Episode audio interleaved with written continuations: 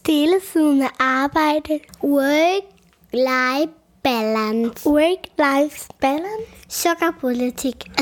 Regitze Sigurd. Regisse Bilov. altså, det er svært, synes jeg.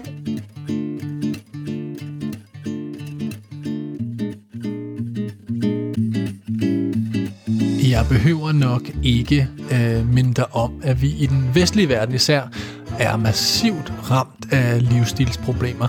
Den, øh, den mest udbredte dødsårsag er jo faktisk, det er jo faktisk dårlige vaner. Altså det er jo kosten, det er rygning, det er stillesiddende arbejde, konsekvenserne af det. Og den sidste her er faktisk ret undervurderet. Øh, der findes især et kendt studie, der hedder Sitting is the New Smoking, som viser, at stillesiddende arbejde svarer til cirka at ryge 10 cigaretter om dagen. Det kan du tænke lidt over. Jeg håber, jeg håber du hører øh, den her podcast, mens du er på cykel, og du ikke sidder og dør langsomt i et S-tog eller i en bil. Nå. Det er jo altså også derfor, at mere eller mindre alle arbejdspladser godt ved, at de har en eller anden form for ansvar for at stille sunde rammer til rådighed for deres medarbejdere, så de ikke gør tingene værre i hvert fald. Vi skal altså lige huske på, øh, du ved godt det her, men bare lige huske på, at vi bruger øh, op mod 50% af vores vågne timer øh, på arbejde. Så hvis man gerne vil have en sund livsstil, jamen så kan man ikke komme udenom ens egen og andres adfærd, imens de er på arbejde. Så hvordan lykkes man så? Altså, hvordan skaber man en af de her sunde arbejdspladser uden alt for mange regler og løftede pegefingre og unødvendig øh, moralisering, men stadigvæk et sted, hvor det er let at opføre sig sundt? Det ved dagens gæst en masse om. Hun hedder Regitze Sigård og er sundhedsstrateg i pensionsselskabet Velliv. Hun har tidligere været Head of Health i Ørsted og forebyggelseschef i Falk Healthcare. Og så har hun i øvrigt også skrevet bogen Strategisk Sundhed på arbejdspladsen. Og for kendere, som måske er født før 1980, så kan det være, at navnet klinger en smule bekendt. Men det er måske fordi Regitze faktisk også er tidligere verdensmester i roning. Det blev hun tilbage i 1990, da jeg spangulerede rundt som 10-årig. Undervejs i samtalen, der vil Regitze komme med en masse betragtninger, erfaringer og råd. Både sådan overordnet råd og, og meget konkrete råd. Uh, hun kommer blandt andet ind på, hvilke ingredienser, som skal være til stede for at uh, få succes. Hvis især én ingrediens ikke er til stede, jamen, så kan du faktisk lige så godt lade være ifølge Regitze. Hun deler også sine egne erfaringer med at lykkes. Øh, det handler blandt andet om at opføre sig som en antropolog i hverdagen. Du skal fyre pep-talkerne, købe et puslespil, dække op til en romantisk øh, middag for to i kantinen, og så skal du også lige have fat i den IT-ansvarlige, for den person kan med et enkelt greb fjerne langt de fleste forstyrrelser i vores hverdag. Og det er vel at mærke helt uden vi selv skal gøre noget. Jeg startede dog sådan lidt overordnet med at spørge Regitze om, hvem der egentlig har ansvaret for de sunde vaner. Er det individet, eller er det arbejdspladsen? Altså, det er jo et både og. Ja. Men i udgangspunktet kan man jo som organisation gøre helt utrolig mange gode ting for at hjælpe medarbejderne til at Ja. ja. få gode vaner. Øh, Man kan lave rammerne rundt om det, man kan, ind, øh, kan man sige, indrette den måde, vi har organiseret arbejdet på, som hjælper den enkelte medarbejder med egentlig at få nogle gode øh, arbejdsvaner og dermed også et bedre liv. Ja. Men det er jo nogle gange også op til medarbejderne selv at tage ansvar for faktisk at udnytte de muligheder og de rammer, og faktisk også gøre brug af nogle af de services, som rigtig mange virksomheder efterhånden begynder at udbyde og hjælpe medarbejderne omkring. Ja. Hvad med sådan, øh, du nævnte det lige hen, vi gik i gang, hvad med sådan politikker generelt? Har, hvad, hvad er din holdning til det, du har erfaring fra mange store organisationer? Der, der bliver indført politikker for alt muligt. Øh, du nævnte noget med noget sukkerpolitik også. og Sådan noget. Hvad, hvad er din holdning, altså det her med at gå ind og lave, lave regler for, for kost og alt sådan nogle ting? Altså hvis man laver en sukkerpolitik for eksempel, altså sørge for at sige, at der må slet ikke serveres kage, og hvis man skal servere kage, så skal man spørge direktøren først, om det er lovligt, eller i forbindelse med en reception eller noget. Altså det er jo ikke en børnehave, vi, er, vi går på arbejde i. Det er jo altså voksne mennesker, der går på arbejde. De må jo selv øh, vurdere, hvorvidt de er i stand til at tage det kage eller, eller ej. Ja. Altså det, det, det mener jeg måske er der, hvor det kommer over i forhold til, at man fjerner faktisk øh, mulighederne for egentlig at være et menneske, at gå på arbejde. Kan du sige sådan lidt om, nu har du været forskellige steder i forskellige typer organisationer. Nu bliver vi meget praktiske senere hen i forhold til projekter osv. Men kan du sige noget om, hvad er de klassiske ingredienser, der skal være til stede, for at man kan lykkes med at, at skabe mere sundhed på arbejdspladsen? Altså udgangspunktet overrasker nok ikke så mange, Nej. men hvis man ikke har topledelsens absolute opbakning, så vil jeg næsten sige, at man skal lade være. Ej, hvor er det fedt det med at lade Fordi være. det er simpelthen så hårdt arbejde at skulle hele tiden motivere, hvorfor man går og gør de her ting. Fordi i virkeligheden er det jo sund fornuft. Ja. Det at forlange en business case omkring, hvorfor giver det værdi at lave sunde medarbejdere, der trives og er glade, øh, burde ikke være nødvendigt. Så hvis man ikke har en forståelse i topledelsen, så skal man i hvert fald skynde sig at finde en indgang til at få en ordentlig dialog med topledelsen for at finde ud af, er de med, eller, eller er det her bare sådan nice to, fordi når nogle medarbejdere, der et eller andet sted i organisationen synes, det her kunne være rigtig sjovt at gøre.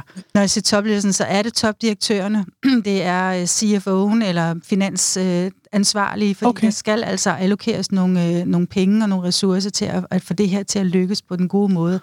Men vi snakker jo ikke om kæmpe investeringer, det skal man hele tiden huske, at man kan gøre meget for meget lidt i virkeligheden, Ja. øh, hvis man bare tænker sig rigtig godt og grundigt om. Øh, men det er jo også, fordi topledelsen skal jo også være med til at bane vejen for det der arbejde, der skal være, fordi det kræver rigtig god samarbejde. Et klassisk eksempel er, hvor havner det her sundhedsarbejde? En lille virksomhed, ja, det er typisk PA'en til direktøren, fordi det er hende, der indkalder til julefrokost, så kan hun også lige lave et eller andet sundhedshalløj. Ja. Ikke? Øh, og andre større virksomheder, jamen er det HR, der ejer det, eller er det arbejdsmiljø, der ejer det, eller er det en helt selvstændig enhed, man egentlig øh, laver til kun at varetage det her? Og så kan der hurtigt komme en intern krig i forhold til, hvordan skal vi organisere det her arbejde, og hvem er det, der skal tage ære, når det går godt, men hvem er det så også, der skal tabe sin anseelse, når det måske ikke lykkes så godt. Ja. Øhm, og, og der er det bare min erfaring, at hvis man ikke har det på plads fra starten, så, øh, så skal man bruge rigtig meget tid undervejs på hele tiden at reparere det der, man ikke fik sikret fra starten. Ja, det virker måske næsten overflødigt at skulle sige, men hvor er det dog bare dejligt at få det slået helt fast. Hvis du ikke har støtte fra toppen, jamen så er det næsten bedre bare at lade være. Øhm, jeg spurgte til hvordan man gør sundhed til en naturlig del af organisationens hverdag. Og herfra vil du se, at samtalen begynder at blive en smule mere konkret.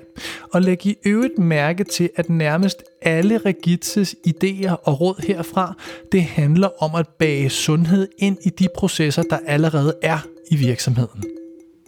Man skal prøve at identificere, hvor er der nogle anledninger, hvor at, at sundhed og trivsel kommer helt naturligt. Øhm, et eksempel fra Ørsted er at øh, lave et nyt ledertræningsprogram, for Ja. eksempel. Øh, hvis det, at man ikke får formidlet, at det er lederen, der har det primære ansvar for at forebygge stress og øge trivselen i teamet, hvis man ikke allerede der som ny leder får den øh, opmærksomhed, så skal man jo bruge lang tid bagefter på at reparere og træne og uddanne. Og det kan man gøre i en uendelighed, uden det får effekt. Ja. Så det er at lede efter små håndtag i forhold til det arbejde, man i øvrigt går og gør. Så et eksempel i forhold til, hvis man gerne vil vil øge sin benefits i forhold til medarbejderpleje, Ja. jamen det er jo også et sted, hvor man kan sige, jamen hvor meget af det her skal være egentlig være noget, der også er sundheds- og trivselsrelateret, så medarbejderne får den mulighed, i stedet for at det igen kommer som sådan et personaleforeningsarrangement, bowling klokken syv, som ingen kommer til. Fordi det har vi bare ikke tid til længere. Ja, Ikke? ja. Altså, øhm, og, og det er lidt den der kollektive forståelse, og, og det arkeologiske arbejde, man bliver nødt til at, at gøre sig umage for at finde ud af, hvad er det for en strategi, vi kører lige nu, og hvordan kan vi så med sundhed og trivsel arbejde os ind i de der anledninger, hvor vi faktisk kan gøre den her forskel. Fordi så bliver det også vejet. Det bliver også super svært at smide ud igen, hvis man først har det inde i sine HR-processer, eller man Ja. har den inde i sine arbejdsmiljøprocesser. Så er det faktisk ret svært at komme af med dem. Så det er ligesom, eller ikke ligesom så mange andre steder, men det er øh, også en evne til at forstå virksomhedens strategi og sørge for, at man kan argumentere for og, og få de rigtige mennesker på vognen i forhold til, at sundhed og trivsel lige her er afgørende for, at vi kan lykkes med den her forretningsmæssige KPI. Er det sådan, man skal forstå ja, det? men man det, er, det er fuldstændig rigtigt. Og, og, og det, som tit løber af med sådan sundhedsengagerede mennesker, det, der tit løber af med folk, der er meget engageret inde, inde i det her felt, det er jo, at man har meget høje ambitioner, og man synes, man skal producere aktivitet hele tiden for at Ja. gøre sig berettiget. Men den båndbredde har vi bare ikke rigtig længere. Der er jo alt muligt andet, der også foregår i ens virksomhedsliv. Så, jeg, så min, min bedste råd nogle gange, det er jo også at sige, men, men find én ting, som du virkelig, virkelig tror, at det her kan gøre en reel forskel, både for hele området, men også for virksomhedsliv. Og det kan jo være alt muligt lige fra at indrette arbejdspladsen anderledes, og Ja. det er jo selvfølgelig en stor opgave, men kan vi ændre på noget af det, vi allerede har, øh, ved nogle små knep i virkeligheden? Øh, og så lige til at lave for eksempel nogle helt øh, vigtige og strategiske beslutninger, som for eksempel altså sige, alle vores øh, mus-samtaler, eller hvordan, hvad man nu, udviklingssamtaler, Ja. jamen der skal man bare snakke om, hvordan man trives. Så det er ikke kun en performance-samtale, men det også kan være sådan en, hvordan går du egentlig og har det med dig selv og dine kollegaer samtale. Og det er altså ikke særlig mange virksomheder, der gør. Nej, okay. Det troede jeg egentlig, man gjorde. Men nu er jeg jo også bare en sørgelig enmandsvirksomhed. Ja. Nej, man gør det ikke systematisk. Det er det, der er udfordringen. Det er jo, det kommer sådan lidt tilfældigt, og det er lidt op til den enkelte, hvorvidt man synes, man er klædt på til at, at tage det ansvar, eller ikke tage det ansvar, og man er bange for at åbne op. Hvad er det for en pose, man kommer til at åbne, hvis man spørger, hvordan går du egentlig har det? Ja. Øhm, og det skal man jo ikke være, fordi det er jo lige præcis der, den her tillid. Og hvis man ikke har tillid til sin leder eller mellem kollegaer, jamen så får vi jo mistrivsel. Ja. Så det er jo gift for organisationen, hvis man ikke har den tillid. Ja. Nu, nu nævnte det med, at øh, den ting, der måske ikke ville komme bag på os, var, at man skulle have topledens absolute interesse. Øh, du har allerede nævnt nogle flere ting, men jeg vil alligevel lige stille spørgsmål igen til, er der flere ting, flere ingredienser, man skal tænke ind, nærmest inden man går i gang med sine projekter og idéer, for at det kan lykkes? Jeg tror, det er rigtig vigtigt, at man kender sin organisation. Ja. Altså sætte sig ned og iagtage, hvad er det egentlig, folk gør? Ja. Hvad er det, de snakker om? Hvad optager dem? Hvor har de energi henne? Hvad er det for nogle temaer, som, som rent faktisk er noget, som, som udgør en udfordring for dem i forhold til... Og undskyld, jeg afbryder det her, for det er mega spændende. Hvad, hvad, når du siger, I, I agtager dem, sådan, altså ja. Helt konkret, sæt sig ned i kantinen og Ja. kigge på dem, eller besøge dem, hvad, hvad, hvordan gør du det? Eller Ja. hvordan har du gjort det igennem tiderne? Jamen, jeg har øh, sat mig ned og kigget på, hvordan afvikler man som for eksempel et møde. Ja. Øh, jeg har kigget på, hvordan er det, man, øh, man udnytter nogle af de services, vi har, ved at kigge på, hvad, hvor er det folk går hen, øh, og hvem er det, de snakker med. Øh, og det har jeg gjort gennem forskellige metoder. Jeg har både fysisk siddet og kigget med mine øjne, men jeg har også brugt øh, sådan en spørgemetode, som, som er super interessant, hvor, hvor man stiller spørgsmål til hinanden Ja. øh, omkring det her øh, trivsel og sundhed. Altså, hvad optager den enkelte, hvor man egentlig laver sådan en rundgang mellem hinanden. Ja. Øh, og så har jeg fået noget øh, data på baggrund af det, hvor jeg kan se, jamen, hvor er energien henne. Når du siger rundgang mellem hinanden, nu bliver jeg bare ultra praktisk, jeg skal bare ja. Nysgerrig. Hvad. Ja. hvad, hvad betyder det helt præcist? Jamen, det betyder, at i, i stedet for, at man klassisk svarer på sådan et APV-skema, ja. øh, synes du, der er varmt, koldt, øh, Uh, har du ja. det rigtig godt med dine kollegaer, har I tillid og sådan noget, Ja. så lader man simpelthen spørgsmålene øh, stille sig mellem øh, medarbejderne selv og mellem Okay. lederne. Så at man, man øh, stiller en platform til rådighed, hvor man simpelthen i to dage kan fyre spørgsmål til hinanden og give okay. hinanden svar. Okay. Nå, Og sjovt. det giver en hel masse energi, men det giver altså også noget indsigt i, hvad er det for typer af spørgsmål, der optager folk, og hvad er det for nogle temaer. Ja. Øhm, og da vi gjorde det et sted, så fandt vi jo ud af, at noget af det, vi troede var vigtigt, det var jo for eksempel, at, at det her med arbejdspres, det er jo sådan meget klassisk. Ja. Øh, vi troede faktisk, at det var det, der var, folk var optaget af. Men det, de var mest optaget af, det var, hvordan de kunne være en god kollega. Nå, okay. Ja. Ja, og det hænger selvfølgelig sammen et eller andet sted, men det var bare ikke de ord, de brugte. Nej. Det vil sige, så gav det også jo, øh, kan man sige, noget indsigt i, hvordan kunne, skulle vi snakke om de her ting. Jamen, det er jo smukt. måde.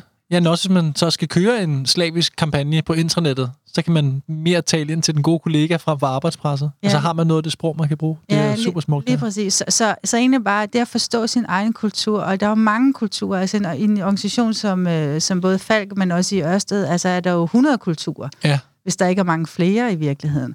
Men det at, at, at gøre sig umage faktisk at undersøge, hvad er det egentlig, der er også, hvad kan det lade sig gøre?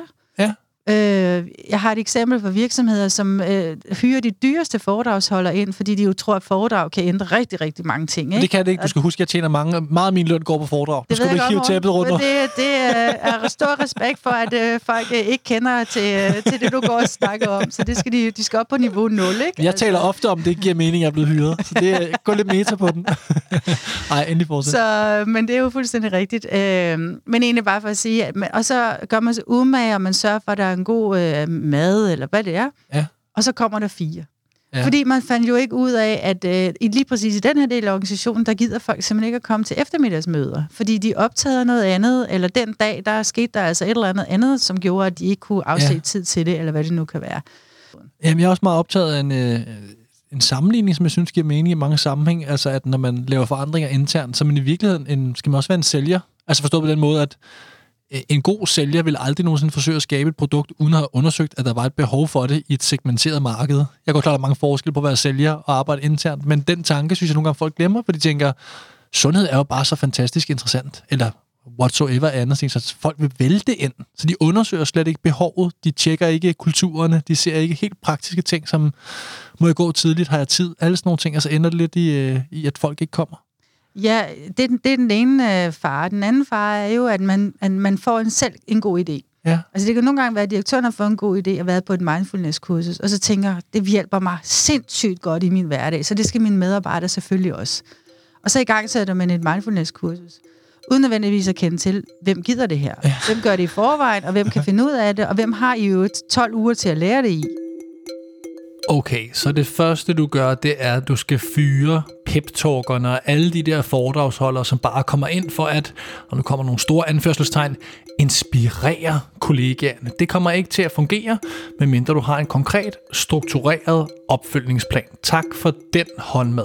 Efter den så fortsatte Rigitze med at give, synes jeg i hvert fald, et rigtig genialt eksempel på, hvordan man kan bruge et puslespil til at få folk til at tage en pause. Pause er nødvendig for den gode arbejdsdag, de gode vaner og den sunde mentale trivsel, men det er svært at få folk til at prioritere, og her blev puslespillet altså centralt. Og jeg vil gerne bede dig om at lægge mærke til to ting, der sker herfra i resten af interviewet. For det første, så vil du lægge mærke til, at puslespillet er en ekstern trigger. Og for det andet, så vil du høre, at Regitze og kollegaerne i virkeligheden bare har eksperimenteret en hel masse med en hel masse forskellige løsninger. Eksterne triggers og en masse eksperimenter. Hvor er det, Måns, tror du lige har hørt det før? Jo, men øh, jeg tror lige, jeg vil starte med at forklare, hvad en 4-dages arbejdsuge den går ud på ude hos os. Ja. Øhm, fordi Ja, det er rigtigt. det var nemlig også i interviewet med Mette Kjølbro Hall fra IIH Nordic. Det var også præcis deres nøgleelementer i øh, deres succes. Så det kan være, der er ved at tegne sig et lille adfærdsmønster her. Nå, men lad os nu lige komme tilbage til puslespillet. Vi prøvede at lave sådan et, øh, et, et initiativ, hvor vi kaldte My Moment, altså det her med at give et afbræk i hverdagen. Det er der jo mange, der har lavet alle mulige øh, fine, fine ting for at finde ud af, hvordan, hvordan får man folk til at forstå, at de skal lade hjernen op. Ja, Fordi ellers så brækker de ud på et eller andet tidspunkt. Og, øhm, og vi lavede forskellige ting, øh, posters og alle de der klassiske ting. Og så fandt vi ud af, at vi ville øh, prøve at sætte et puslespil op okay. i kaffemaskinen, for at se, kan det her give noget? og, øh, og det var det simpelthen absolut det aller, allermest øh, benyttede og fuldstændig eksorbitant bedste øh, Ja. trick, vi Ej, er overhovedet har sjovt. lavet. Og det var fordi, det kunne flere ting. For det første, så havde jeg jo lyttet til folk, der ligger puslespil. Øh, det gør jeg desværre ikke selv. Øh, jeg har simpelthen ikke tålmodighed. Men det, jeg fandt ud af, det var, at det fedeste ved et puslespil, det er jo at lægge den sidste brik. Ja, okay, ja. Og derfor havde jeg fundet et puslespil, som er et børnepuslespil, det kan jeg godt røbe her hos dig. øhm, Der er ikke nogen andre, der hører det her. der er ikke nogen, der hører det lige præcis. Øhm, men det var en jordklode, og det var jo så i Ørsted, hvor jo, det handler jo om at gøre jorden grøn. Ja. Øhm, og den sidste brik kunne man nå på 10 minutter. Nå, okay. Øh, så man byggede simpelthen en jordklode sammen, og øh, det, over hele, øh, altså i England og i Tyskland, og de sendte billeder og postede og alt muligt andet, fordi at, at det kunne bare et eller andet, det her. Det gav et afbræk, men det gjorde altså også noget for fællesskabet. Ja. Øh, og det havde jeg jo ikke kunne forudse. Nej. Og, og det er et fantastisk eksempel. Øh, og du- kom med det eksempel, fordi du sagde, man skal være modig og bare prøve et eller andet. Kan, Ja. du, kan du uddybe det her med at, at forstå mig ret, bare prøve et eller andet? Hvad betyder det? Jamen, det, det betyder at prøve at, at, at forstå, hvad er det, der kan gøre noget godt for, for de medarbejdere, man har. Ja. Fordi det er ikke nødvendigvis i stand til at sige det. Et, eksempel, et andet eksempel er øh, bryggeriarbejdere, som står rigtig, rigtig meget stille på fødderne. Ja. Og det er ikke super sundt. Men i stedet for at sige, nu skal de have fri en time om ugen til at træne, fordi så kan man forebygge, at de bliver øh, slidt ned, Ja. så arbejder man nu med simpelthen, at det, de laver hver dag, skal være sundt. Altså, så de skal komme styrket fra arbejde. Deres muskler skal simpelthen være styrket, når de går fra arbejde i forhold til det, de kom. Okay. Det gør man ved at være, skal lave jobrotation, og ved at de, kan man sige, lave nogle andre typer af, af opgaver, end det, de gjorde dengang, de stod det Så, så, så, 60. som jeg forstår eksemplet her, så i stedet for at øh, give dem fri til at træne, så, så indretter man konteksten, så de er simpelthen nødt til at gå over til en anden maskine, eller gøre nogle andre ting, sådan så det er en del af deres arbejde, de bevæger sig. Er det korrekt forstået? Det er både en del af deres arbejde, de bevæger det, men også det, det er intensiteten i det, de skal lave. Okay. Øh, så man simpelthen kommer styrket ud i stedet for. Og det er jo ret modigt at turde gøre det, fordi man ved jo ikke, om de kan finde ud af at gøre det, og synes, det er sjovt og givende og alt muligt andet. Men man bliver nødt til at prøve det, fordi de har jo smerter. Ja, Så vi skal jo gøre noget, og det vi har gjort hidtil har jo i hvert fald ikke virket. nej. Og hvad, hvad, hvad, hvilken rolle, det, det er noget, der optager meget, hvilken rolle spiller den her sådan eksperimenterende tilgang, når vi taler om det felt, du repræsenterer? Øh, jamen, det repræsenterer en, en, jeg vil sige en 50 procent Okay. agtig. Ja. Øh, fordi der er rigtig mange ting, vi ved, der er gode, og som folk er optaget af og interesserer sig for. Men der er også mange løsninger, som kun er meget kortsigtede løsninger. Ja, som for eksempel hvad? Undskyld. Øh, når jeg siger det det her eksperimentere, så handler det jo meget om at have, have målet for øje. Hvad er det, vi vil opnå? Ikke? Mm. Altså, hvad er det for en adfærd, vi skal have ændret ved folk grundlæggende? Øhm, og et, et eksempel, vi lavede, det var, at øh, det her med at spise frokost. Mm. Altså, man har jo en, i hvert fald rigtig mange steder, der er lidt mere at gå med de samme mennesker, og sidde på den samme plads, og øh, ikke nødvendigvis spise det samme, men i hvert fald. Tæt på. Så lavede vi et initiativ, vi kaldte øh, frokostvenner. Øh, og, og så lavede vi simpelthen et selvstændigt bord i kantinen med rød du og øh, lys, og så kunne man sætte sig der, hvis man øh, enten var kommet lidt for sent i forhold til sit team, Ja. eller man simpelthen bare havde lyst til at udvide sit netværk i virksomheden, eller øh, fløj ind fra udlandet for simpelthen, og ikke ligesom kendte nogen. Ja. Øhm, og det var helt overvældende, hvad for nogle samtaler, der kom ud af det der Ja. bord der. Det var der kun i 14 dage. Hvorfor blev det pillet ned? Ja, fordi det var den der følelse af, giver det nu også den her Ja, ja. effekt? Øh, Ja. Og det skulle gerne være det der lidt overraskende også. Øh, og, og grunden til, at jeg nævner det her eksempel, det handler jo ikke så meget om frokostbordet eller hvad. Det handler simpelthen om, det vi gerne vil opnå, er jo en følelse af, at vi er større end os selv i vores egen lille afdeling. Ja. At vi tilhører en, en større helhed. Jeg er så hvordan- sikker på, at der er alle mulige andre, at man skal lave videndeling og arbejde på tværs af siloer. Det lyder meget fint på slides, men det er jo et eksempel på, hvordan det kunne se ud i hverdagen, tænker jeg. Ja, lige, lige præcis. Og det var i hvert fald det, som, som var min, øh, kan man sige, idé til at, Ja. ja. at undersøge, øh, synes man. Og så var der selvfølgelig nogen, der satte sig der alligevel. Øh, men så fik de faktisk også en snak ud af det. Ja, Ja, ja. Hvorfor er det egentlig, vi har sat os ved det her bord? Når jeg Ja, egentlig ikke er er det, vi til laver? men det var, men det var nogle, nogle øh, altså jeg fik simpelthen øh, tilbagemeldinger fra nogen, der sagde, jeg har aldrig haft så dyb en samtale. Nå, okay. Det er jo helt vildt, altså. Ja. Så et andet eksempel på noget det, vi, vi godt ved virker, det er jo... Øhm, det er jo de her famøse elastikker, som, som jo er simpelthen gået som et steppebrand over Ja. hele det danske landskab. Og det er med rette, fordi at vi ved jo, at folk har ondt i nakken og skuldre. Og, Ja. og det er ikke super sjovt at, at have så ondt, og derfor får man jo et dårligt arbejdsliv ud af det. Hvorfor er det så sindssygt svært at få folk til at stå og, og Ja. ja. rent faktisk lave de her øvelser? Og det må man jo bare konstatere, jamen på fjerde år er det stadigvæk super svært. Så, så skal vi ikke begynde at prøve at eksperimentere med trods alt at gøre noget andet. Ja. Og tænker du så at gøre noget andet? Altså lad os lægge elastikken til side og prøve noget, der rent faktisk virker? Eller tænker du nye måder at få folk til at bruge elastikkerne? Jamen, jeg tænker egentlig det første. Jeg tænker Ja. det her med, at vi bliver nødt til at, at ribe op i, i plejer at. Og, så, ja, og, så og jeg er bare så enig. Ja, Altså, og det, det, er fordi, der, er- når alle folk ved, at det virker så godt, og rigtig mange er passionerede og tænker, "Ah, det kan vi simpelthen ikke, fordi vi kunne gøre så mange gode ting, men jeg er også bare blevet så pragmatisk at arbejde med forandring i så mange år, så prøver, Ja. hvis vi har prøvet fire år, og det er nogle kloge mennesker, der har prøvet, og det simpelthen ikke dur, så lad os lægge dem væk og prøve at gøre noget, der fungerer. Det vil fungerer halvt så godt, men til gengæld kan vi så gøre det, og så får vi reelt den effekt. Jeg har været flere steder, jo, hvor jeg har siddet med lige præcis de mennesker, der ofte på tværs af organisationer har fået elastikansvaret. Det kan jo være mange forskellige ting, eller dem, der skal lave en lille workout efter frokost. Øhm, hvor det er jo i virksomheder, der ofte arbejder med sundhed selv, men de ved jo godt, at de jo stille og roligt nedbryder deres egne ansatte, og selv der kan... Det, jo, det er fint. Det var et par måneder lige efter, alle folk er blevet enige, og så fader det ud. Det er simpelthen en kamp, en, ofte en demotiverende kamp for de mennesker, der er så passionerede, fordi de finder på, at folk, folk gider simpelthen ikke at ligge til mavebøjninger. Altså, det, det er det, jeg hører i hvert fald, ikke? Selvom man har alle de gode argumenter for det. Det er lidt det samme med elastikkerne. Ud med dem. Ja, i hvert fald, hvis det ikke Ud med dem. Brigitte. De er ude nu. Du kan ikke prøve at tage dem tilbage igen. Jo, jo, jeg vil gerne have dem tilbage. Jeg, jeg kan ikke... Vi tager lige en uh, kort opsummering her, sådan cirka halvvejs. Du skal fyre peptalkerne, du skal bage sundhed ind i de allerede eksisterende processer, frem for at lave en masse nye. De eksisterende processer kunne være lederudvikling, mus osv. Og så skal du igen, ligesom i interviewet med IIH Nordic, så skal du tænke over, hvordan du kan bruge eksterne triggers, og så skal du eksperimentere en hel masse. Og nu sluttede Regitze jo lige før med at sige, at vi har sådan lidt vanskeligt ved at bruge vores krop. Men vi er dog gode til at gøre en meget specifik ting med den her krop, og det er at sidde med den. Øh, Regitze gav et sjovt eksempel på, hvordan vi helt indgroet i vores sprog afslører, at vi sidder for meget ned, når vi arbejder. Øh, det sker i en præsentationsrunde. Prøv en gang at, at lytte med her. Og øh, vi har jo også en saying, når, når der er sådan en præsentationsrunde, hvad, hvad arbejder du med, så siger folk, jeg sidder med. det har jeg aldrig tænkt over, det er rigtigt, ja.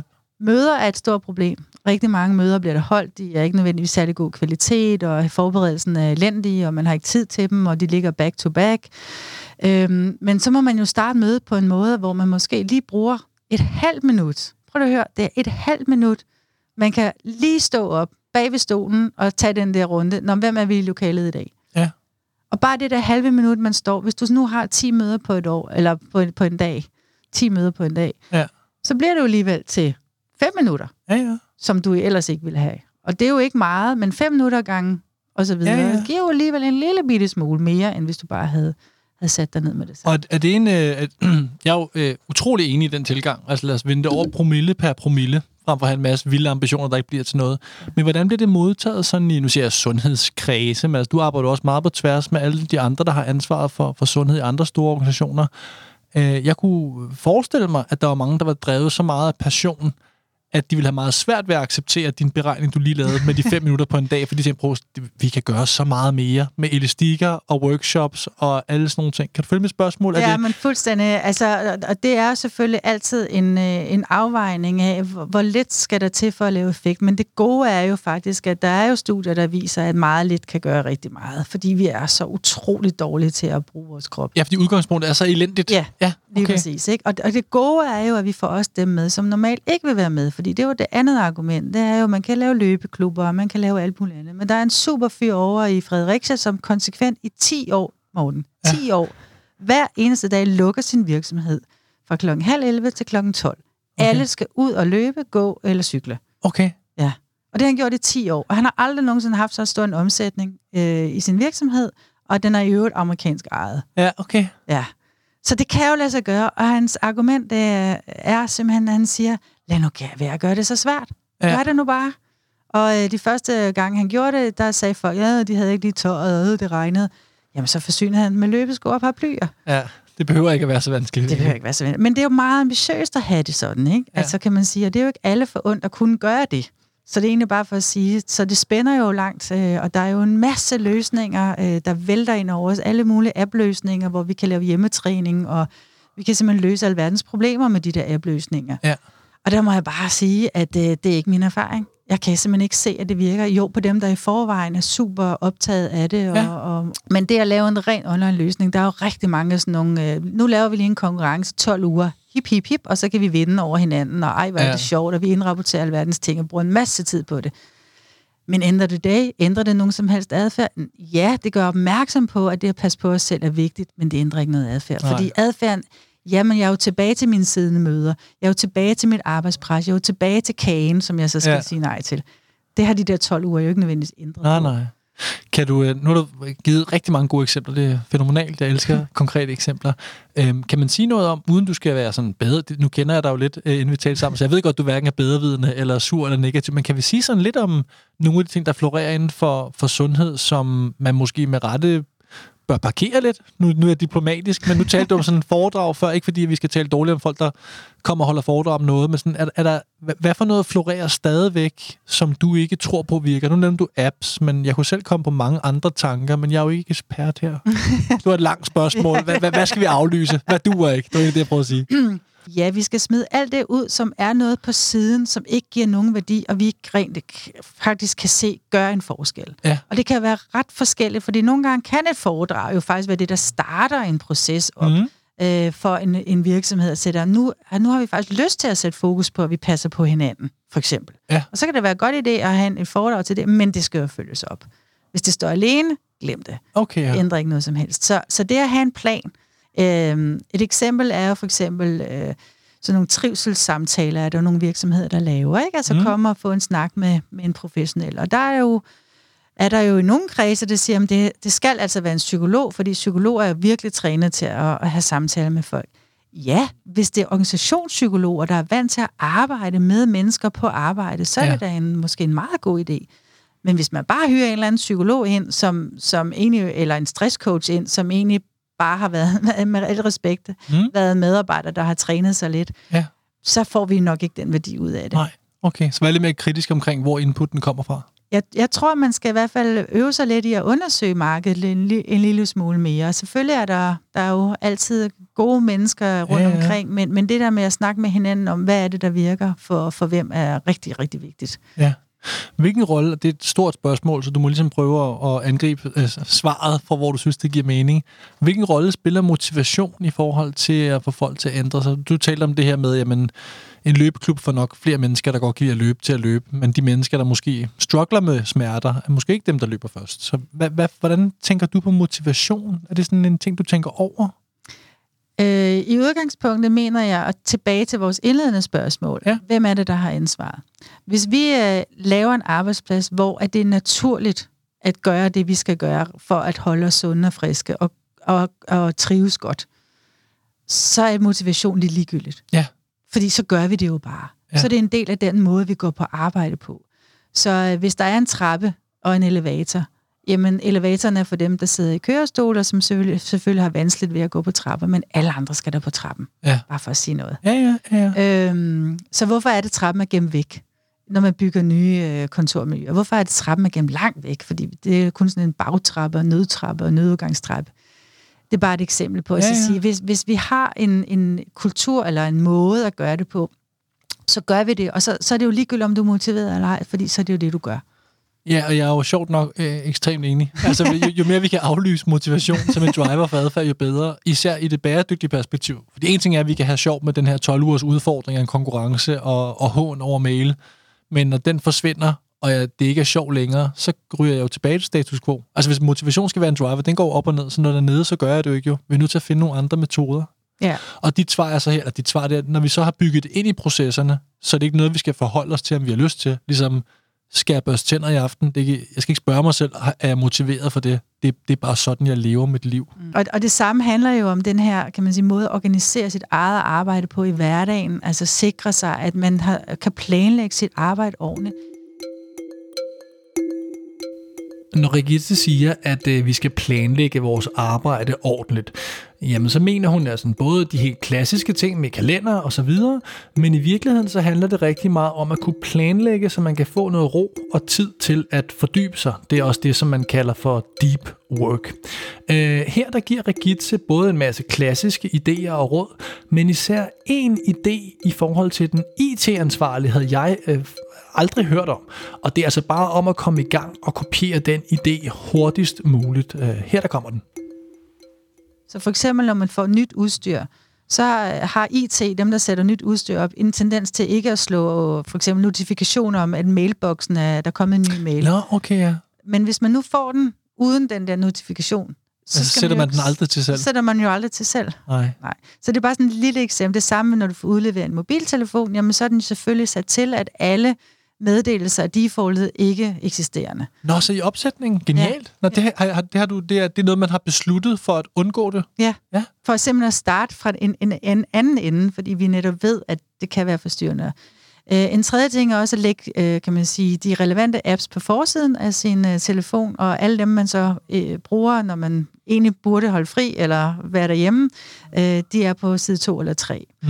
Den anden er jo også, at man bliver enige om en kultur, for eksempel. Øh, Jeg havde et team, som blev enige om, at så sagde, jamen, øh, øh, hver onsdag, der har vi altså alle sammen to timer. Altså, hvor, hvor ingen forstyrrer nogen. Ja. Og, og det kan godt være folk udefra, men øh, vi skriver alle sammen, at vi skal ikke forstyrres. Vi sætter den der feriemails auto-reply på. ja? De næste to timer kan vi ikke blive forstyrret. Og det gjorde de så alle sammen. Og tror du, de synes, det var en fed måde at gøre det på? Ja, det, det må jeg formode. Det var det. Ja. Altså, de, ja. de var så lykkelige, altså. Og, Ja. det, og det var bare sådan... Mm. Og Ja, var, og det er sjovt jo, fordi det- jeg argumenterer for meget af det samme, når jeg er ude. Det er jo sjovt, hvor svært det er at få lov til at gøre det der. Eller ikke lov til, men altså, hvis nu alle i Ørsted gjorde det der, det er en fuldstændig urealistisk ambition, men hvis man gjorde det, ville man jo få et produktivitetsboost, der vil sende virksomheden til månen jo. Men fordi, der, fordi der er så mange interne vaner, og åh, oh, kan du lige svare mig på det her? Jeg har lige et spørgsmål. Vi er så vant til, at det også er agilt og samarbejde og så videre, ikke? Ja. Men, men det er nogle af de der enkle ting, at det lyder så enkelt og banalt, men det svære det er jo bare at gøre det. Ja. Altså ligesom manden, der lukker sin butik, men så gør det, frem ja. for at vide, det er fornuftigt, ikke? Ja, lige præcis. Og, og, og, det, og det er jo derfor, der er nogen, der bliver nødt til at sætte, kan man sige, øh, sætte mulighederne op for at sige, hvad er det, vi kan gøre, og hvem er det i vores organisation, der faktisk sidder og bestemmer over knappen? Ja. Ikke? Altså, hvem, hvem er det i princippet? Er, er der en, en given person? Jamen, vi har alle vores... Øh, jamen, det er jo IT-indkøberen. Ja. Godt så, jamen, så er det IT-indkøberen, vi skal snakke med, eller det er arbejdsmiljørepræsentanten. Jamen, så er det arbejdsmiljørepræsentanten, vi skal få til at, at hjælpe med på, på vejen, ja. og ikke uh, sammen med alt det andet arbejde, de selvfølgelig ja, ja. har. Ikke? Ja, okay. Øhm, jeg har lige to spørgsmål her på falderæbet, så, øh, så slipper jeg dig. Hvis jeg du skal så... ikke slippes. Nej, det første, det er, og du har i virkeligheden svaret på det her, men jeg kan godt tænke mig sådan, om vi kunne have nogle opsummerende tanker omkring det. Nu ved jeg, at du arbejder med adfærdsdesign i, i mange år på forskellige vis, og vi har også mødtes øh, i, i projekter før. Øhm, hvor, kan du sige sådan lidt om, hvordan du tænker adfærdsdesign ind som metode, når du møder projekter eller strategier? Sådan ligesom, hvad, hvor, du, det er ikke en, jeg er ikke ude efter en formel her, jeg er mere ude efter, hvad, hvad er det, du tænker, når du ser, nu skal vi gøre X? Hvad, hvad for noget tankegods har du med dig fra adfærdsdesign? Øh, det allervigtigste, det er at finde ud af den enkelte adfærd, jeg vil gerne se ja. forandre sig. Ja. Øh, altså komme helt ned i detaljen af præcis, altså hvor mange møder skal have været anderledes, hvis det er, at vi gør det her med at stå op, for eksempel. Ja. Øh, så identificere præcis adfærd, fordi ellers er det jo stort set umuligt at finde ud af, om det her overhovedet gør noget for nogen. Ja. Andet end nogle rigtig gode øh, tilbagemeldinger, det er jo også rigtig dejligt, men det ville være rigtig dejligt at faktisk også kunne se, at det gjorde det, man gerne ville have Ja. til at ske. Så det er den ene ting. Øh, det andet er jo selvfølgelig at finde ud af, kan vi fjerne nogle af de her øh, barriere ret let øh, ved, at, ved at gøre små ting. Øh. Og, og det, er jo, det er jo sådan klassisk, hvordan er det, vi finder ud af, hvad er det så, der er de her forhindringer? Ja, og det, det leder måske frem til det sidste spørgsmål, jeg vil stille dig. Nu har vi, har vi talt en del om, at det kan være svært at ændre vaner, og det er ikke let, og, og topledelsen skal gerne være med, og så videre. Hvordan ser du sådan øh, fremtiden for vores arbejdspladser rent sundhedsmæssigt, og måske sådan mere præcis, hvordan ser du sådan mulighederne for rent faktisk at ændre den her adfærd? Skal vi være optimistiske eller, eller, eller negative omkring fremtiden? Jeg er meget optimistisk. Ja. ja, det er jeg, fordi det er, det er et tema, som er, er oppe. Vi har øh, overskud på rigtig mange danske arbejdspladser, og selvom man hører noget andet, så har vi faktisk mulighederne. Vi har medarbejdere, der rigtig gerne vil passe på sig selv, fordi vi skal have et rigtig langt arbejdsliv, rigtig mange af os. Jeg håber bare, at man tænker sig om en ekstra gang, og jeg håber allermest, at man egentlig snakker med andre virksomheder, hvis man er i tvivl. Ja. Fordi der er så mange gode erfaringer efterhånden derude i Danmark, men også øhm, ja, i Sverige og Norge og Finland, men, men ikke så mange andre lande, vil jeg sige. Vi er, vi er lidt langt fremme i Danmark, ja. men egentlig, at man, man opsøger og bliver, bliver nysgerrig på, hvordan arbejder jeg strategisk med sundhed. Ja. Det, øhm, det er jeg meget optimistisk omkring. Og når, når vi så gør det, jamen så får vi jo også de her ting, hvor vi kan gøre små bitte forandringer, som kan gøre en rigtig, rigtig stor og værdiskabende ting. Både for den enkelte, men jo også for forretningen. Ja, det var et dejligt sted at slutte. Tusind tak, fordi jeg måtte tage noget tid, Regitze. Ja, men fornøjelse. Kæmpe fornøjelse. tak. Jamen, øh, det var min samtale med Regitze. Jeg håber, at du fik noget ud af den. En øh, sådan ikke prioriteret liste af nogle af hendes råd kunne være, øh, at du skal have støtte for topledelsen, ellers så kan du nærmest bare glemme det. Du skal fyre peptalkeren, med mindre han hedder Morten Mønster, og medmindre du har en struktureret opfølgning klar bagefter så skal du sørge for, at den IT-ansvarlige sætter telefoner og computer op uden alle de her dødsnotifikationer. Det synes jeg er en smuk enkelt råd, du bare kan kopiere med det samme. Så kan du tænke over det her med at øh, lægge puslespil ude ved kaffemaskinen for at øh, give folk en reminder og grund til at holde en lille øh, pause. Middag for to i kantinen, hvis du tør det i de her tider. Øhm, eksperimenter en masse, ligesom vi har hørt i nogle af de andre interviews. Brug eksterne triggers og tro på det her med det ambitiøse et minut i præsentationsrunden, og så bare læg på, læg på, læg på. Så kommer du til at stå mere op, og over tid, der vil det hjælpe dig en masse. Og lige inden du får lov til at smutte for i dag, så vil jeg egentlig bare sige, at adfærd, altså den her podcast, du lytter til lige nu, den er produceret af de gode folk inde hos øh, Anders Guldberg uden Anders og hans kollegaers øh, fleksibilitet og kompetencer, så vil den her podcast aldrig øh, blive til noget. Alle de små detaljer, den øh, forhåbentlig flydende klipning og alt sådan noget, som er en del af podcasten, det er deres værk og deres fortjeneste. Så jeg tænkte, at det mindste, jeg jo lige kunne gøre, det var lige at nævne dem her. Så hvis du mangler noget assistance, eller måske tænker på at starte din egen podcast, jamen så får de mine allervarmeste anbefalinger. Du kan finde dem inde på khag.dk. Det var egentlig bare det for i dag. Så øh, ja, må du ikke bare have en god dag, og så tales vi ved om en uges tid. Hej du!